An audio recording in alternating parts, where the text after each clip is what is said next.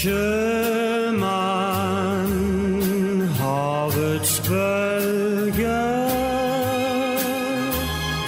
følger hvor du er.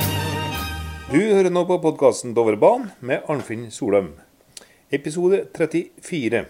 Vi begynner i dag med sjømannssang. 'Sjømann' heter den. Det er en sang som han Jan Høyland synger her. Og eh, hvorfor jeg begynte sånn i dag, det hører du vel sikkert nok etter hvert når du begynner å høre på det her innslaget. Vi har en gjest fra Åsen. Han er lokalhistoriker og har en del eh, nytt å komme her nå åt oss i, i dag. Eh, Arne Langås. Det er ganske oppsiktsvekkende nye opplysninger for meg, i hvert fall, som eh, vi får greie på i dag av eh, Arne Langås. Ja, da har en mann på tråden her ifra i Åsen. Eh, hvem jeg snakka med nå? Nå snakker du med Arne Langås. Arne Langås, ja. Og hva driver med du? Du, jeg må nå si jeg driver med historie litt på heltid, men eh, ja, så blir jo en del lokalhistorie på fritida. Så jeg har jo sett meg en del inn i det som gjelder eh, den tyske hjelpekrysseren Berlin. Ja, du, da- det er et interessant eh, tema. For at, eh, det har jeg funnet ut, jeg at eh, den har noe kobling til Dovrebanen, faktisk. Så da må du fortelle oss Ja. om det, du. Merkelig nok så har den det. Det er jo en båt som lå internert inne i Trondheimsfjorden i, fra 1914 til 1919, altså et halvår etter at første verdenskrig slutta. Men den ja, det var jo da en Det var et krigsskip. Det var en, et passasjerskip som var bygd om til krigsformål og hadde en besetning på 450 mann. Stor båt. Og de har da lagt eh, miner i britisk farvann høsten i 1914, så det er jo ikke så lenge etter krigsutbruddet vi snakker nå. Og søker den båten da nødhavn til Trondheim i midten av november. Ja, hvorfor gjorde den det, tru? Bare... Det skal være brennstoffmangel som var utgangspunktet. Brennstoffmangel, ja. Det vil si at det var, her var jo en dampbåt, og da var det kanskje kull som var, de var tom for? Det var det. Og de eh, kommer seg da uoppdaga inn forbi Agdenes festning og inn til Trondheim. Inn i det nøytrale Norge. Dette, jo, dette var jo en alvorlig hendelse i samtida. Og hva skal de da gjøre med den båten? Det blir jo det store spørsmålet. Nøytraliteten eh, er krenka, og ja, her står vi med en eh, stor en stor båt tilhørende en av de stridende partene. Så Ja. de får da et uh, ultimatum at enten må de komme seg bort snarest mulig, eller så må de uh, avvæpnes og interneres. De har jo ikke mulighet til å komme seg bort da, når de var tom for kull. Nei, det er jo klart det. Å begynne, begynne Trondheim og bistå med køl, så er det ikke lenger noen nøytralitet. Nei, det er, Så det var, da var de nok oppe i et stort dilemma der, ja. På den ene og den andre. De blir det. Men det blir jo da ganske snart eh, at båten blir internert i Hummelvika. Legges inn der, og der er det norske soldater som blir eh, satt til å være nøytralitetsvakter. Og 450 mann. Ja, over det. Det er, jo, det er jo vanlig besetning, det er offiserer, det er, det er alt som hører med. Klem tose til, da, de 450 mann, eh, mannskapet der, da, når de lå der. Første tida så var det nok eh, mange som bare De var om bord, men de fikk jo òg komme i land på litt forskjellig småarbeid. Og en del Noen for nå hjem på permisjon og kom tilbake igjen. Og noen ble noe, ble noe, nå De fikk være hjem på varig opphold, men eh, det er klart, i lengden så må jo må jo herrene settes til noen ting.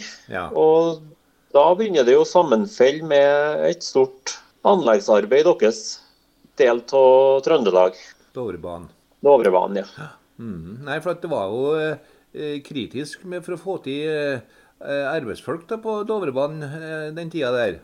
Ja, og da ser de jo seg tydeligvis om etter det som de har mulighet til å få ut. Og her har vi jo da i eh, skriftlig form ifra han som het eh, Gustav Nibur. Han var, var av besetninga der og ble igjen i Norge etterpå. Slo seg ned her, og fem, nei, 20 år etterpå, høsten i 20 år etter at det var slutt, høsten i 39, så skrev han en lang artikkelserie i, i Dagsposten Det er akkurat det der, der jeg har vært borte i år så har jeg sett noe eh, på skrift. Der forteller han om nettopp den uh, sysselsettinga på Dovrebanen. Kunne det være mange mann, da, tror du, og over hvor lang tid eh, som eh, var med på det her eh, anleggsarbeidet? Den tidfester ikke helt nøyaktig, men eh, jeg kan jo ta og lese av litt fra begynnelsen her, så får du i hvert fall en viss forståelse av hvor mye mann som måtte. I forbindelse med beskjeftigelse på land skal jeg komme inn på Dovrebanen som var under bygging. Her trengtes jo en masse folk, og styret for jernbanen kom da til å tenke på om det ikke var mulig å- få en del av Berlins besetning. Forhandlinger kom i gang, og det varte ikke lenge før disse ble avsluttet med godt resultat for begge parter. Om bord var imidlertid all eksersis sløyfet og bare renholdet igjen, så det var nok å ta av. Først var det tale om en gruppe på ca. 50 mann. Da disse disse skulle bli på land og innkvarteres i barakker, tok man tepper og annet utstyr med, så de hadde noe å hjelpe seg med. Hennene får da anvist eh, en strekning å arbeide på, først under ledelse av norsk formann. Men eh, etter hvert så blir de mer og mer eh, sjølhjulpne. Det blir henta mer folk. Og det er jo det første som er utlært, de tar jo da mer eller mindre over en slags formannsrolle for sine. Så var det der eh, strekningen du fikk tildelt, vet du hva det var hen? Han eh, er litt vag i det han skriver, men han skriver det at de holder på til de kommer til Ulsberg. Da var det jo litt sørafor Sokndalen, da, ifra, å si, fra Garlia utover da til Ulsberg, da. Så tidfestende da til at uh, i slutten av 1916 så var ca. 150 mann i arbeid på Dovrebanen. Ja, men det var ganske mye, det. Det var det. Det er jo ca. en tripart det av dem som var om bord. Men de, uh, fikk de vanlig lønn, der, der, der eller hva? De får lønn etter hvert på linje med, med norske arbeidere. De står jo det at de, de måtte betale en viss sum for kosten hver uke, men eh, det ble hilje nøye regnskap med fra deres egne. Og som en avslutter, da, så når de da kom til Ulsberg, da var også et bra arbeid gjort og tusenvis av kroner tjent. Var det sånn at de bodde i brakka oppover der eh, i anleggsområdet? Det må de nok ha gjort, uten at det står noe mye mer om det her. Og som jeg nå sier, de har jo, har jo en viss frihet ennå. De har jo reist tilbake. De kunne reise til byen, de kunne tilbake på båten i helgen. Og så oppover igjen om mandagsmorgenen. Det var jo um, hardarbeid, tungarbeid, der. Eh, anleggsarbeidet på Dovrebanen. Var de, var de trena for det, da, tror du? Det ligner nok på at de eh, ikke var helt det til å begynne med. Det står jo, Han skriver jo det at det var helt uvant arbeid for de fleste. Og jeg antar at mange ikke hadde så lite vondt i kroppen etter de første dagers arbeid med hakke og spade eller gruskjøring, skriver han. De har nå vent nå seg til det ganske fort, og gode penger å tjene var det. Så det lokka nok mye åt dem. Eh, Båten blir jo liggende i Hummelvika til i 1917. Og akkurat bakgrunnen for at den da ble flytta derifra, det er nok litt omdiskutert. Det er jo noen som mener at det var at det var noe tilløp til spionasje, men det kunne òg være andre forhold som gjorde til det. og Da blir den, blir den da flytta lenger inn i fjorden, inn til, inn til Lofjorden i Åsenfjorden. Ja, da kommer man i nærheten av ditt eh, distrikt. Da er vi ikke så langt unna der jeg er fra. Der blir den jo da liggende helt til sommeren i 1919. Så det er jo da et halvår etter at, eh, etter at eh, krigen er slutt. Ja. Der blir det jo bygd opp en brakkeleir, og der blir det mye norske mannskaper som er innkvartert for å holde vakt over båten. Eh, vet du hvilken eh, skjebne den båten fikk da når den ble frigitt? Det blir jo krigsbytte, så da er det britene som tar over og blir bygd om til passasjerskip igjen. Eh, ender jo da et tiår senere opp som, eh, som eh, et, ja, ferdig, et ferdig fartøy som skal hogges opp. Så den sendes til Genova og hogges opp der i 31. Stemmer det at den skifta navn til Arabic? Det gjorde den. Det var jo, det var jo en del av den nye, det nye livet. og henger nok nå i da med at eh, ja, nå var det ikke lenger et tysk skip som skulle bore navnet på tyske hovedstaden. Nå skulle det være passasjerskip for eh, White Star Line. Og da ble det jo Arabic som ble, eh, som ble navnet. Jeg har jo spurt folk oppe i eh, regnbueområdet her, da. og eh, hørt om de, hørt, om de vet om dette her tyske arbeiderne. Men de ingen som kan påstå at de har hørt noe om det der. Så jeg lurer på, er, var det noe som ble dyssa ned, det der? Det er jo ikke noe Det er klart det kan jo ha blitt stilt om det, i hvert fall når, når neste krig kom. Ja. At det ikke er noe det har blitt snakka noe om da. Og, og klart med alt det arbeidsfolket som var, i bane, var på banen, så du vet, det er vanskelig å si noe om de skjelte seg ut noen ting, eller om de, hvordan det var. Nei, for at de, eh, de måtte jo eh, komme i kontakt med andre som arbeider på anlegget. òg. Jeg kan ikke forstå annet med Det må de jo ha gjort. ja, De ja. eh, har nå arbeid, uh, arbeid under, uh, under norske formenn, i hvert fall deler av tida. Og må nå sikkert ha vært på arbeidslag i, i lag med andre. Nei, nei, det, da kan det nå Ja, det var eh, det jeg tenkte på at eh, Du sa at det var en del som ble igjen i Norge her ja, etter at eh, krigen var over. da. Hva ble det av de folket, da? Ble de i åsen, eller? I Åsen ble det eh, tre stykker til å begynne med. Ja. Men årene gikk nå, og 20 år etter så var det bare én igjen av dem.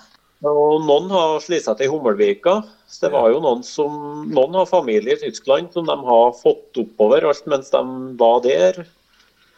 Og ja, det, Vi vet at enkelte av de familiene ble igjen. Men så ser vi det da, at i, i 39 da, da er det igjen 13 stykker i landet. 65 som det var når eh, som det var den første tida. Og de er i der- Trøndelagsområdet, de da? De var i Trøndelag alle sammen. Det var det ni i Trondheim, det var én i Åsen, det var én i Ommelvika, og så var det to som var slitt seg til på Løkken verk. Så de stifta vel familie, eller de kanskje hadde familie, da, sånn at eh, de ble vanlige nordmenn etter hvert? Det må vi tro, ja. Som, eh, det er jo her, her i bygda så er det jo etterkommere etter noe av mannskapet som, som fortsatt er her. Ja, det er det, ja. Ja, ja. Mm, mm, ja. Det er noe, um, det er noe virkelig interessant er at, eh, de, at eh, det er skrevet ned noe om det, da, i, og at eh, avisa inne på Malvik der har tatt tak til det her.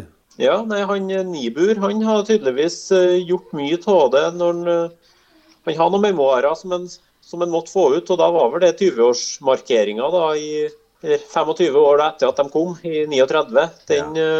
det ble jo da noe som kom på trykk. og da, Det er jo litt eh, påfallende da, at det er jo skrevet på høsten i 39, etter at uh, Tyskland har gått inn i Polen og neste verdenskrig er i gang. Så da kan en si det at eh, eh, den store verden, den kom inn over eh, Norge og Doverbanen?